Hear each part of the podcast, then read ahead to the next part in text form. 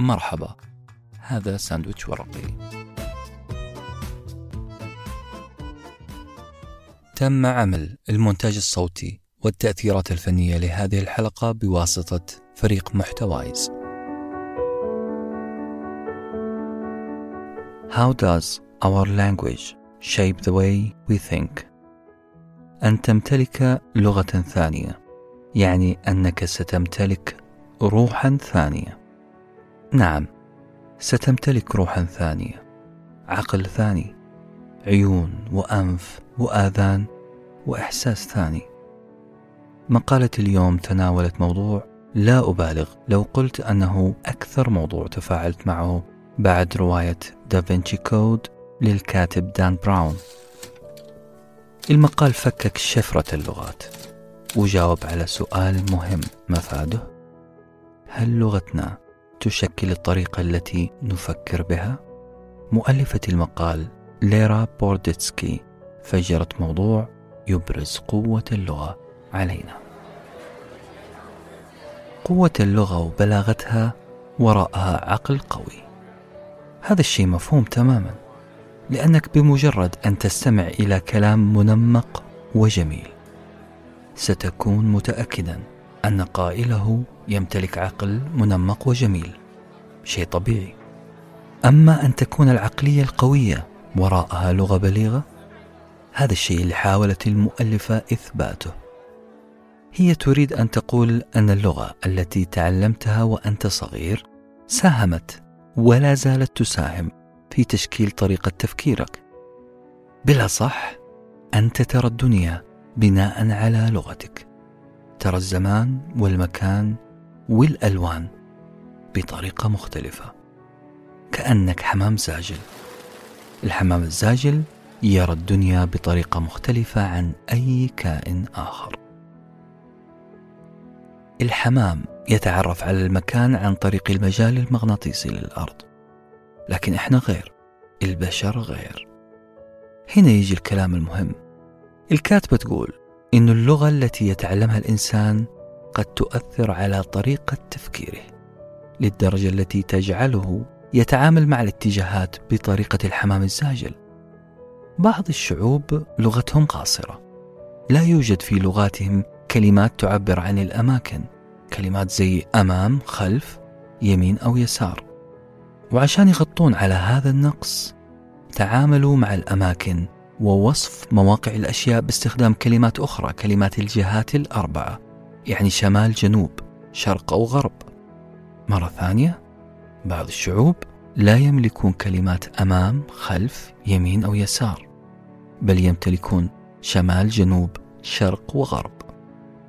أحد هذه الشعوب هو شعب شمال أستراليا. لأن شعب شمال أستراليا أو شعب الكوك ما عندهم كلمة أمام وخلف اعتمدوا كليا في كلامهم على كلمات الجهات الأربعة.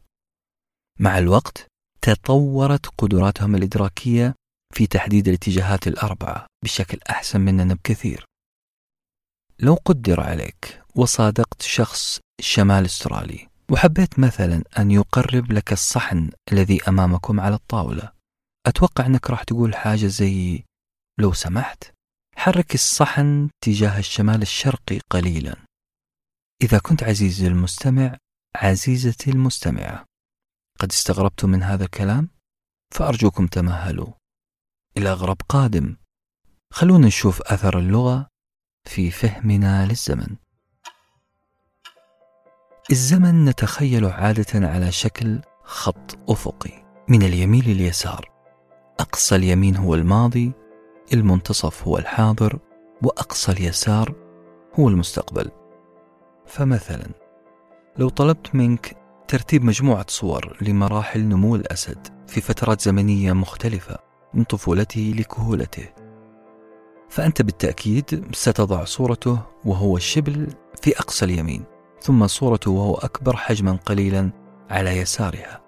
وهكذا إلى أن تضع آخر صورة في أقصى اليسار وهو منحني الظهر.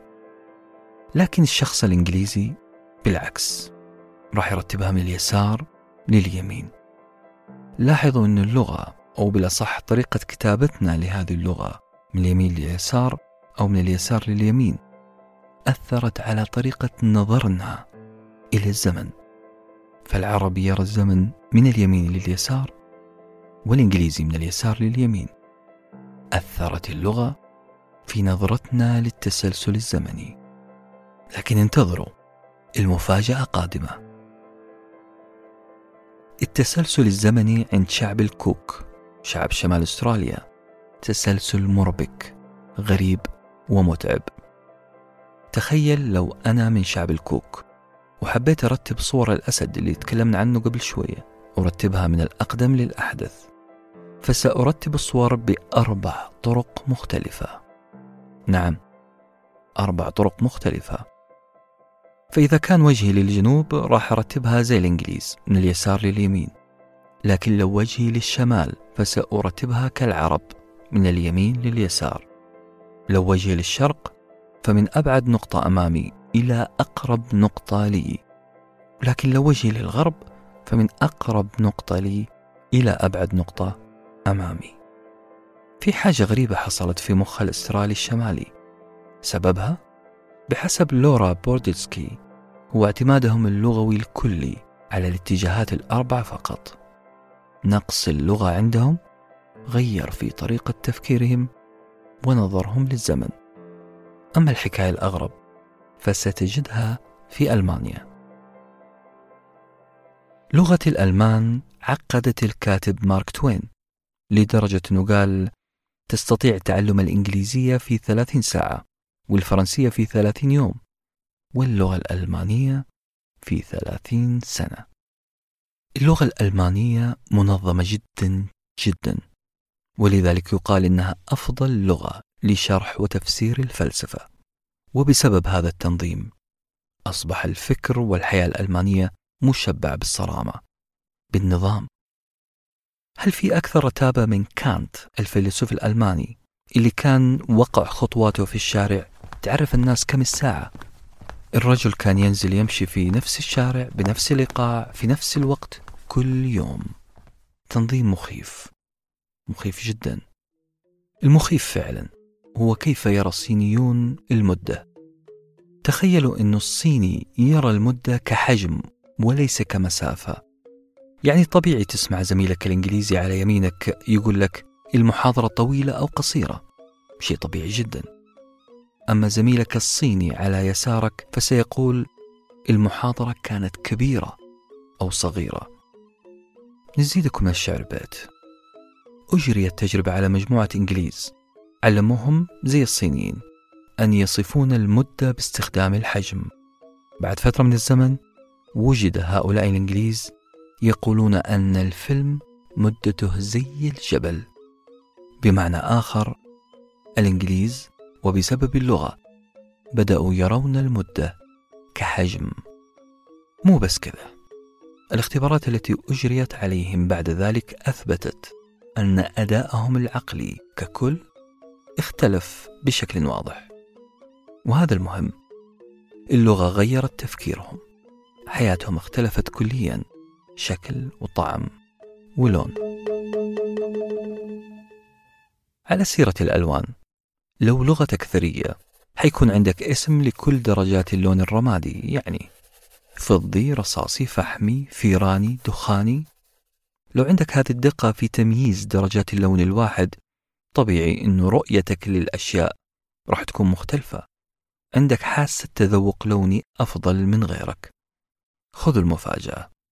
لا يوجد في اللغة الروسية شيء اسمه أزرق.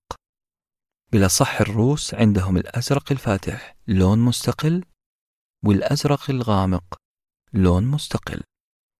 سعة اللغة واستخدام الروس لمصطلحات تفرق بين درجات الأزرق خلى نظرتهم للبحر والسماء مختلفة عن نظرتنا. إحنا في قرارة نفسنا نرى البحر والسماء بلون أزرق لكن الروسي غير. بمعنى آخر. ما ينفع تقول للروسي إنه السماء والبحر لونهم أزرق لأنك كأنك بتقول له إنه بينك بانثر لونه أحمر. حيعتبرها جريمة في حق البشرية. الجريمة الحقيقية حصلت يوم 14 نوفمبر 1875 حادثة تصادم قطارين في السويد. بعد التحقيقات ظهر أن عدد كبير من الموظفين موظفي السكة الحديدية ومنهم سائقي قطارات كانوا يعانون من عمل الألوان. لم ينتبه السائق لإشارة التنبيه ذات اللون الأحمر فاصطدم بقطار آخر. بدأ بعدها الاهتمام بمشكلة عمل الألوان.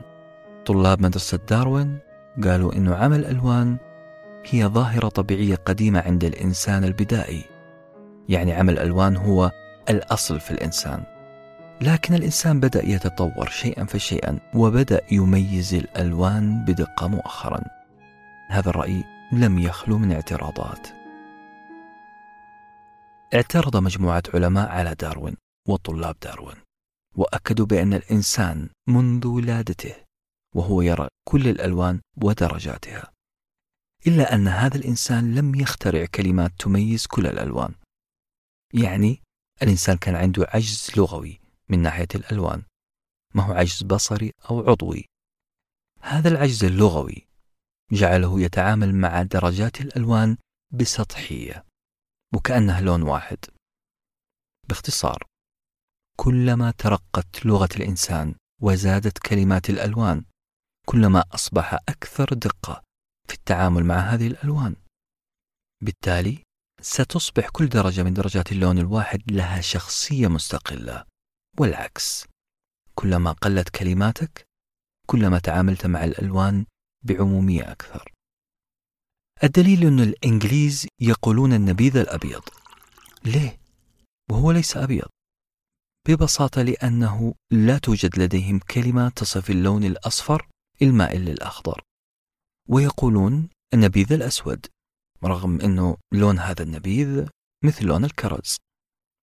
أنا وأنت عزيزي المستمع عزيزتي المستمعة نسمي عصير البرتقال برتقالي رغم أنه لونه مائل للإصفرار. نقص اللغة هو سبب للعشوائية. نقص اللغة يجعلك ترى عالم آخر. للأسف عالم باهت غير دقيق. لذلك ركز في المرة القادمة وأنت تشرب عصير البرتقال. نسأل في النهاية من وجد أولا اللغة أم الفكر؟ صعب نجاوب لأنه سؤال يشبه جدل قديم. من أول؟ البيضة ولا الدجاجة؟ جدل فلسفي طويل. المقالة اللي اخترناها معتمدة كليا على كتاب عظيم اسمه Through the Language Class أو ترجمته عبر منظار اللغة. معظم المعلومات اللي سمعتوها في هذه الحلقة من هذا الكتاب. احتمال أن الكتاب يعجبك لكن الأكيد أنك ستشعر خلال قراءته بأهمية اللغة بأهمية تنمية هذه اللغة عند صغارنا. والأهم هو دور القراءة في عمل تحول جذري في عقولنا وطريقة تفكيرنا. كيف يحفز الإثراء اللغوي ملكات كانت خاملة لسنين. باختصار اقرأ بنهم فالحياة ستختلف باختلاف الكلمات. في حفظ الله.